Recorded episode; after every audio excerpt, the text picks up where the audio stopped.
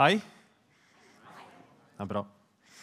Du, det Takk til eh, Linda og team for uh, sang. Skal vi se Der, vet du.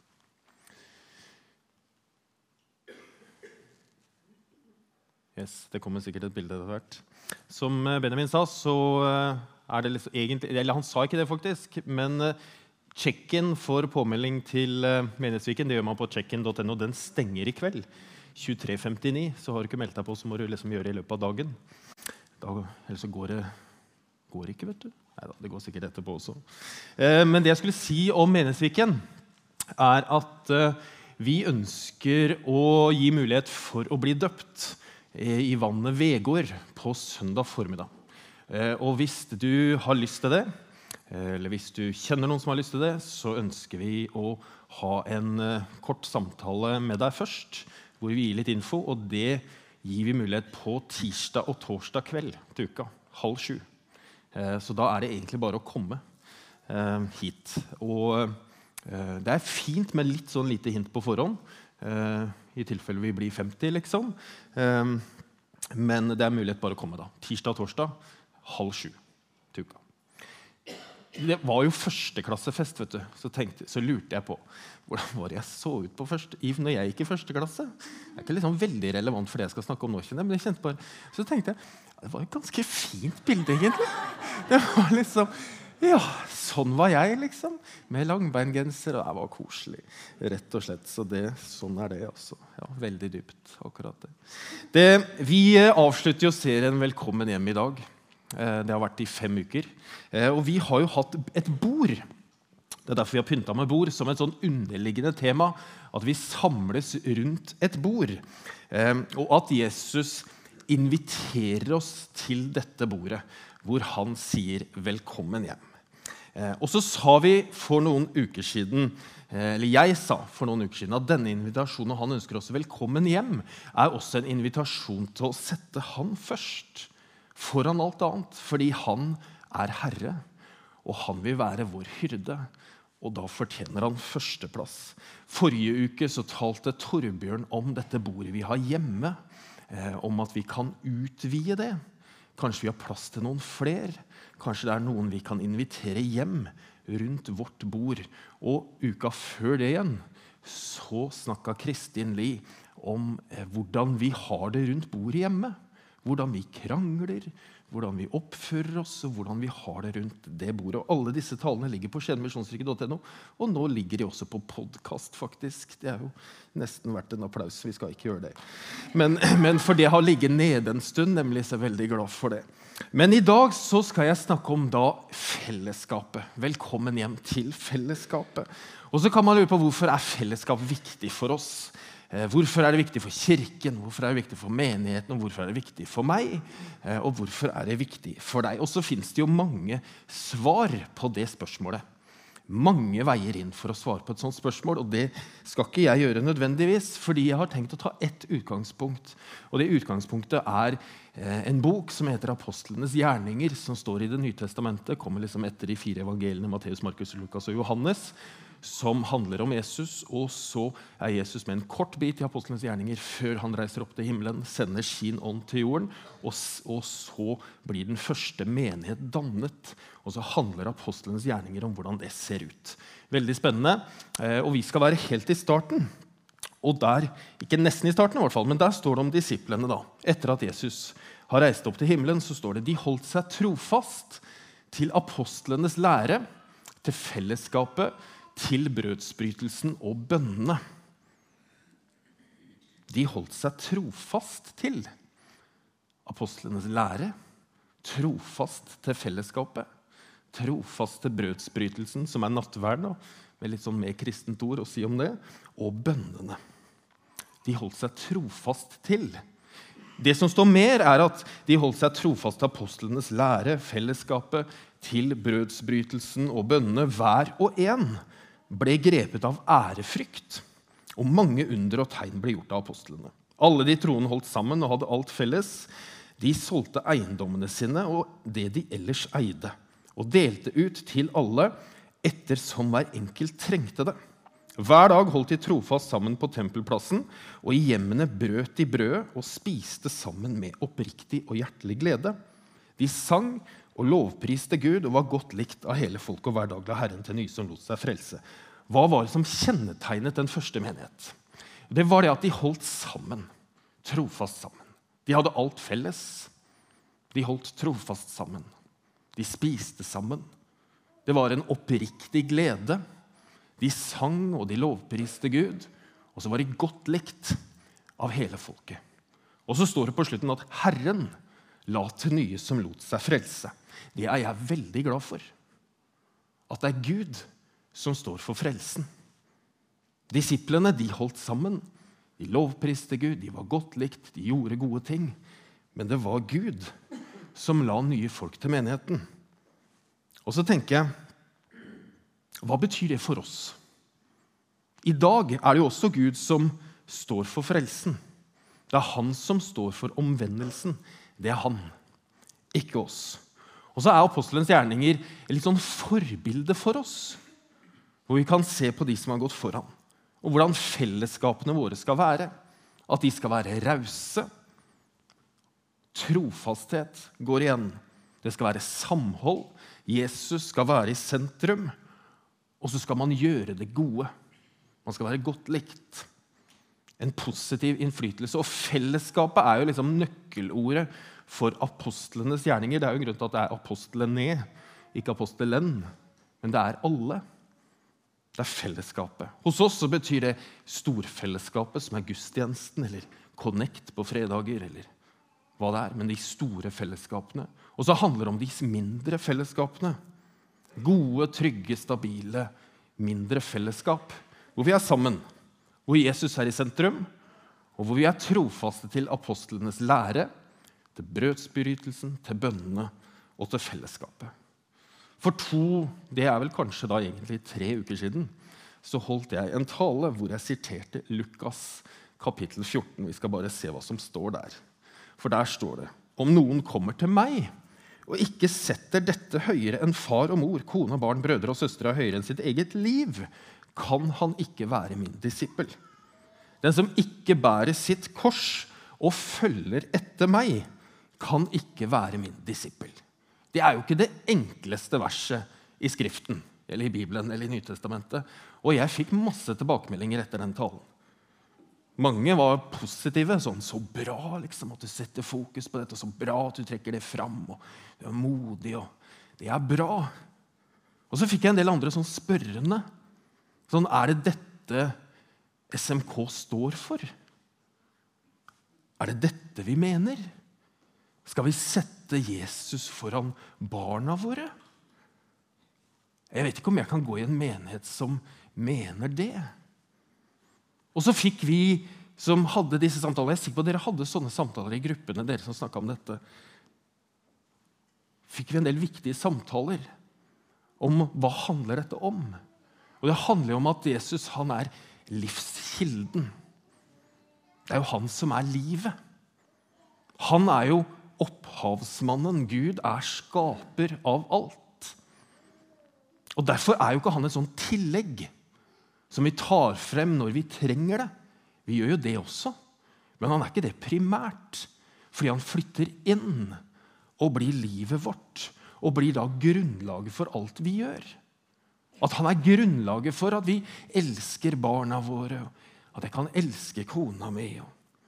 Han er grunnlaget for alt vi gjør, fordi han er alt. Og uten han så er vi da ingenting, egentlig.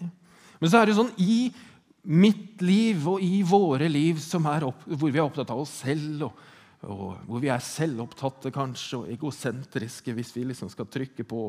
Og vi er opptatt av å nyte og ha det godt og i rikdom. Og, så får vi ofte litt sånn pigger ut med en gang noen setter spørsmålstegn valgene å gjøre. For det er jo ingen som skal fortelle meg hva jeg skal gjøre.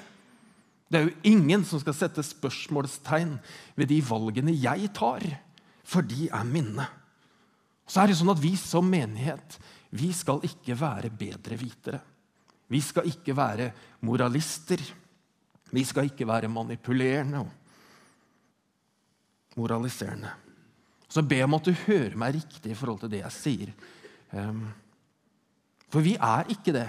Vi er ikke bedrevitere. Vi er ikke moralister. Og vi er ikke manipulerende.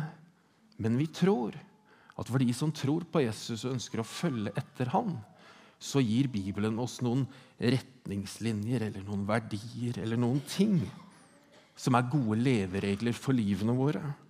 Og så tror vi faktisk det, at dersom vi setter Jesus først, så kommer alt det andre i tillegg. Forrige uke så satte jeg i et møte i Misjonskirken Norge, i Nasjonalt råd. Jeg har sittet der i tre år, og det er fint, altså. Og Det vi jobber med der, er Misjonskirken Norge, altså vårt trossamfunn på nasjonalt nivå. Eh, og Da jobber vi med strategier og verdier og hva som skal prege oss. Og nå jobber vi spesielt mot en sånn generalforsamling i 2018. Og så jobber vi med hva skal vi gjøre etter 2020, fordi vi har en sånn vekstplan som heter Vekst 2020. og Den avsluttes jo da i 2020. Hva gjør vi etter det? Um, og Det er et veldig spennende arbeid, og jeg sier til, til, de som er der, at det er nesten som å ha fri for meg å være der. For det er så gøy. Men i det møtet der så ble det stilt et viktig spørsmål, og, og egentlig kanskje et så banalt spørsmål. Um, og så tenker jeg at Det spørsmålet hører hjemme der, men det hører også hjemme her. Og så tenker jeg det hører faktisk hjemme i mitt liv òg. Og så er det utrolig banalt, og nå tenker du sikkert at så grunne dere er. Men spørsmålet var faktisk hvilket problem skal vi være med å løse? På nasjonalt nivå. Hvilket problem skal vi være med å løse i Skien? Og så kan du tenke, Jeg liker ikke ordet 'problem', jeg liker heller ordet 'utfordring'. og da kan du putte det inn da. Men for det handler om hvorfor er vi egentlig til? Hva er liksom målet vårt? Hva er det vi driver med? Hvorfor har vi menighet? Og hvorfor er vi her? Hvorfor er du her? lurer jeg ofte på. Er du her fordi du liker å synge sanger? Du trenger ikke reise opp hånda nå. Altså. Eller er du fordi du syns det er trivelig å høre Martin tale om liv og døden og krig og fred og sånt? Eller er vi her for å bli underholdt? Det har jeg tenkt på en del ganger. Akkurat som vi har en sånn type butikk som vi, som vi eh, kjøper et tilbud til våre barn eller ungdommer eller søndag formiddag, og så betaler vi det med givertjenesten vår. og så tenker vi da kan vi bare betale litt mer, og så får de litt flere ansatte. så så, så funker butikken? Eller er vi her for å ha et godt miljø for barna å vokse opp i? Det tror jeg nok mange har.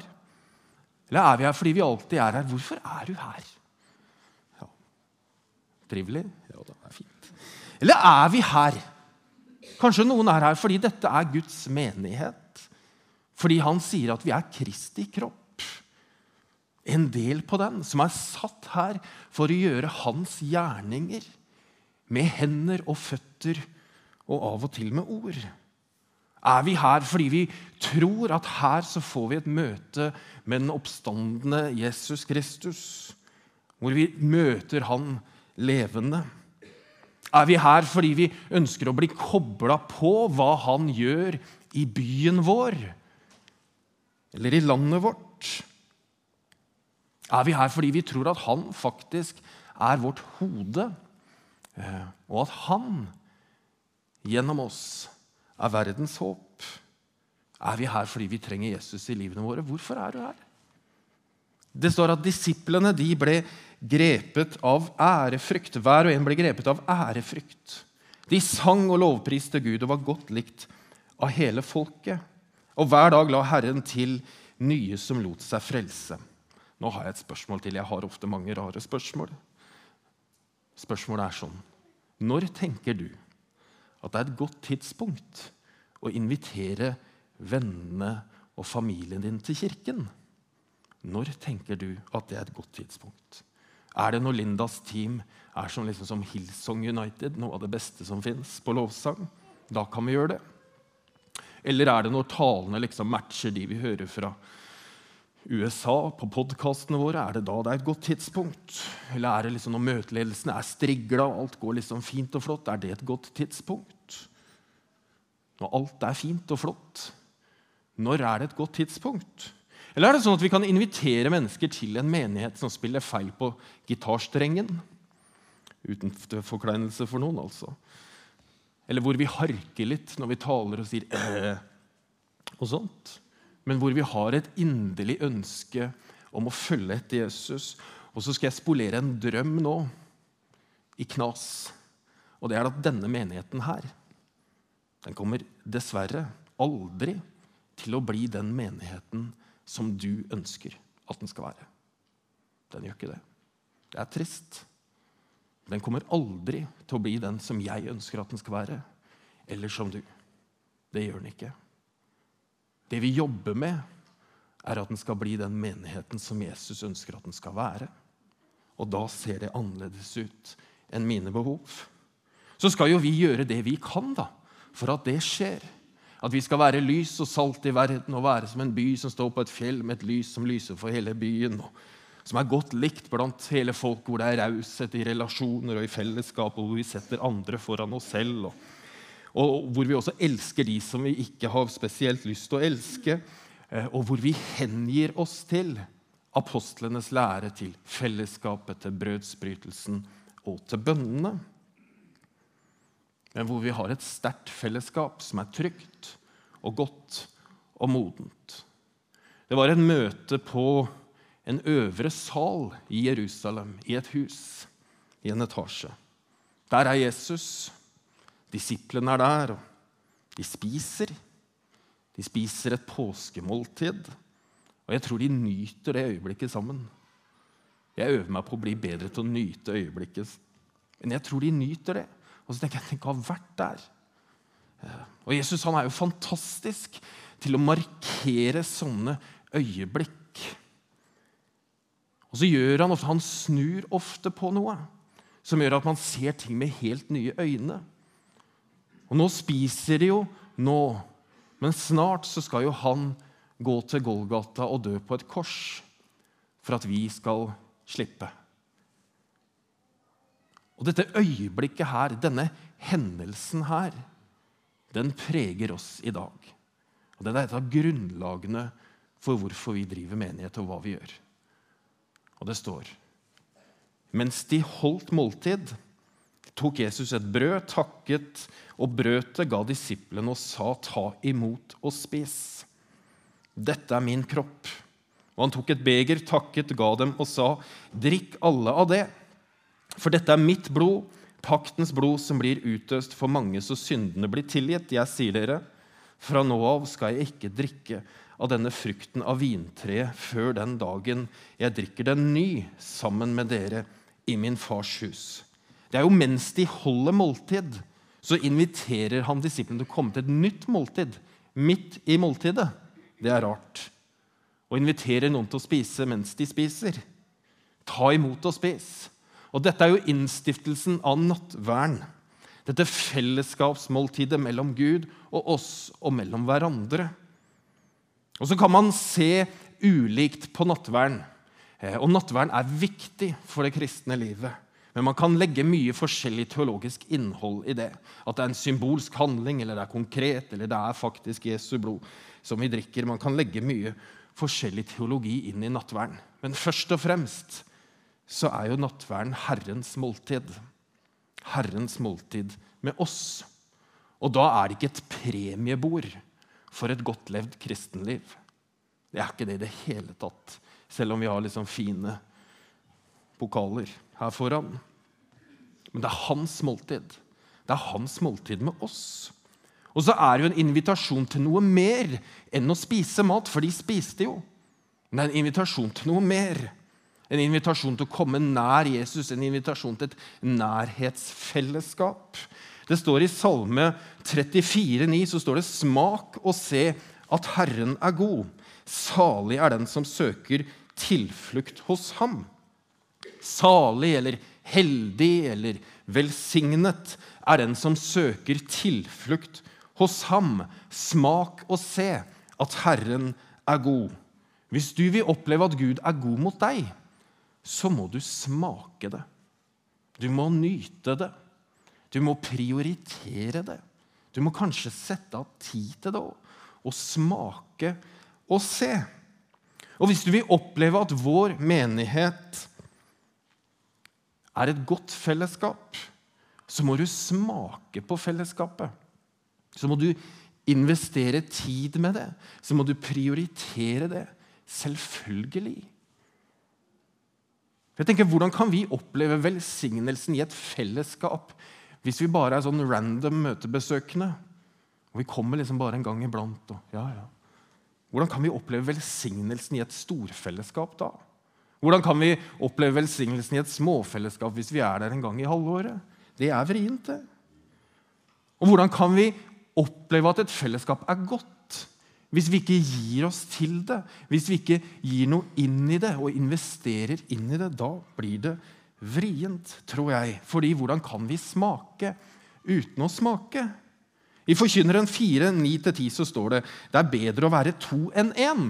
De får godt lønn for sitt strev, for om de faller, så kan den ene hjelpe den andre opp.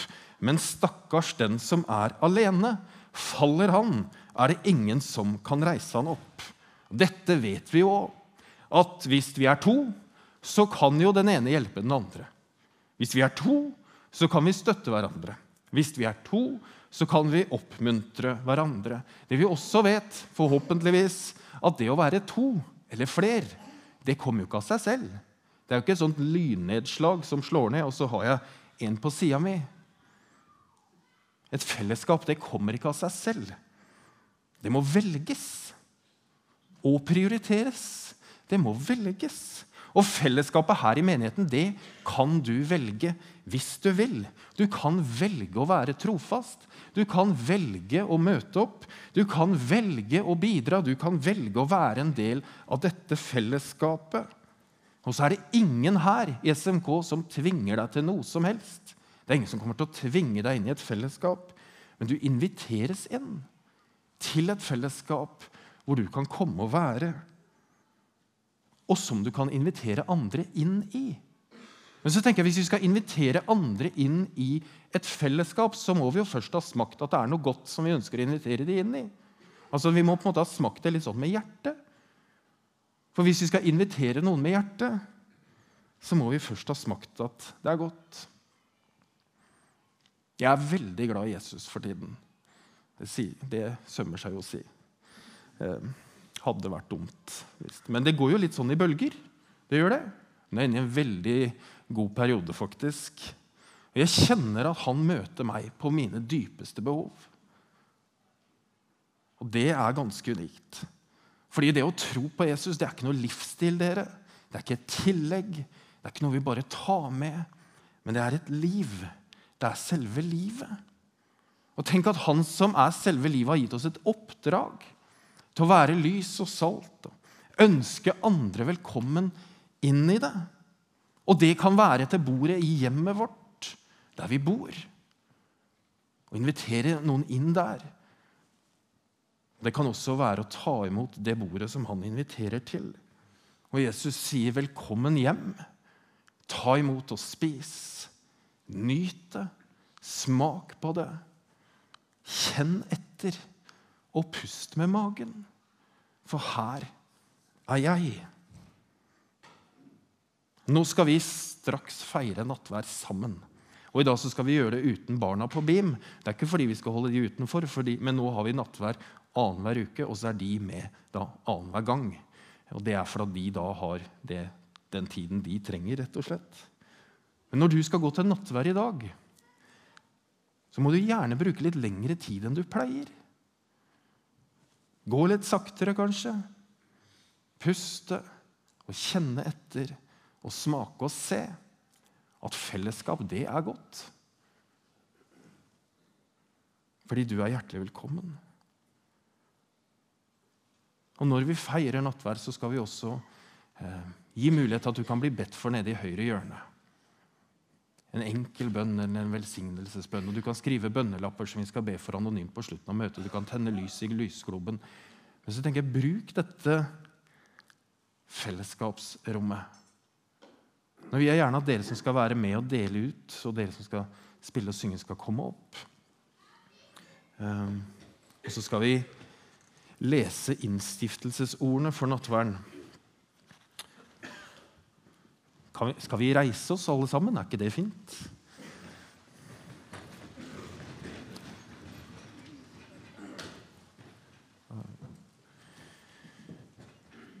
Og der står det Det står i 1. Korinterbrev 11. Og det får vi også på veggen. Der. Der står det, For jeg har mottatt fra Herren det jeg også har gitt videre til dere. I den natt da Herren Jesus ble forrådt, så tok han et brød, takket brødet og sa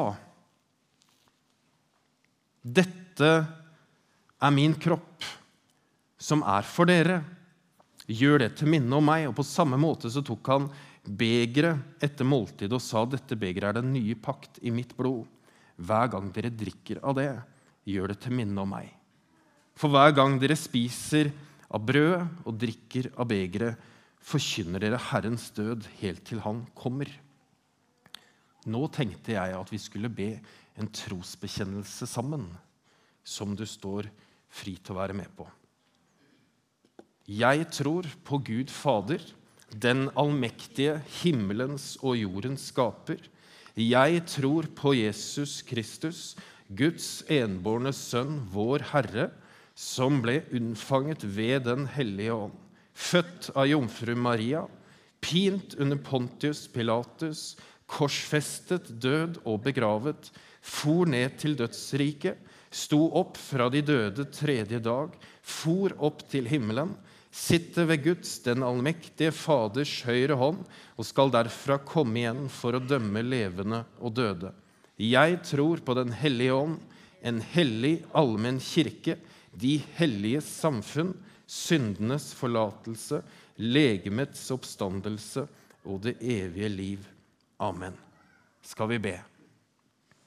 Far i himmelen, du som er hinsides alt som er skapt, men samtidig til stede i ditt skaperverk, og her i dag gjennom Den hellige ånd.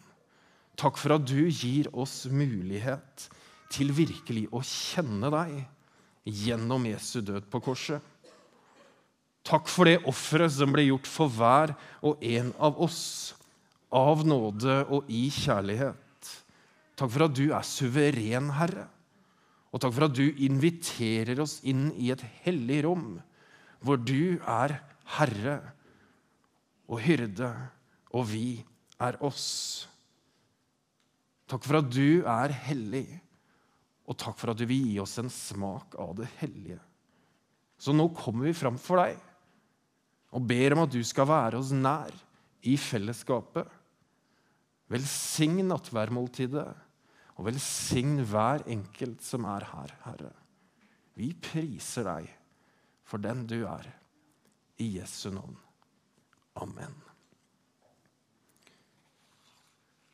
Det er sånn at det er glutenfrie oblater på to steder, begge to. Og Når du kommer fram, så kan du godt ta hånden din frem, og så blir du lagt oblatet i hånden. Og så dypper du i begeret ved siden av.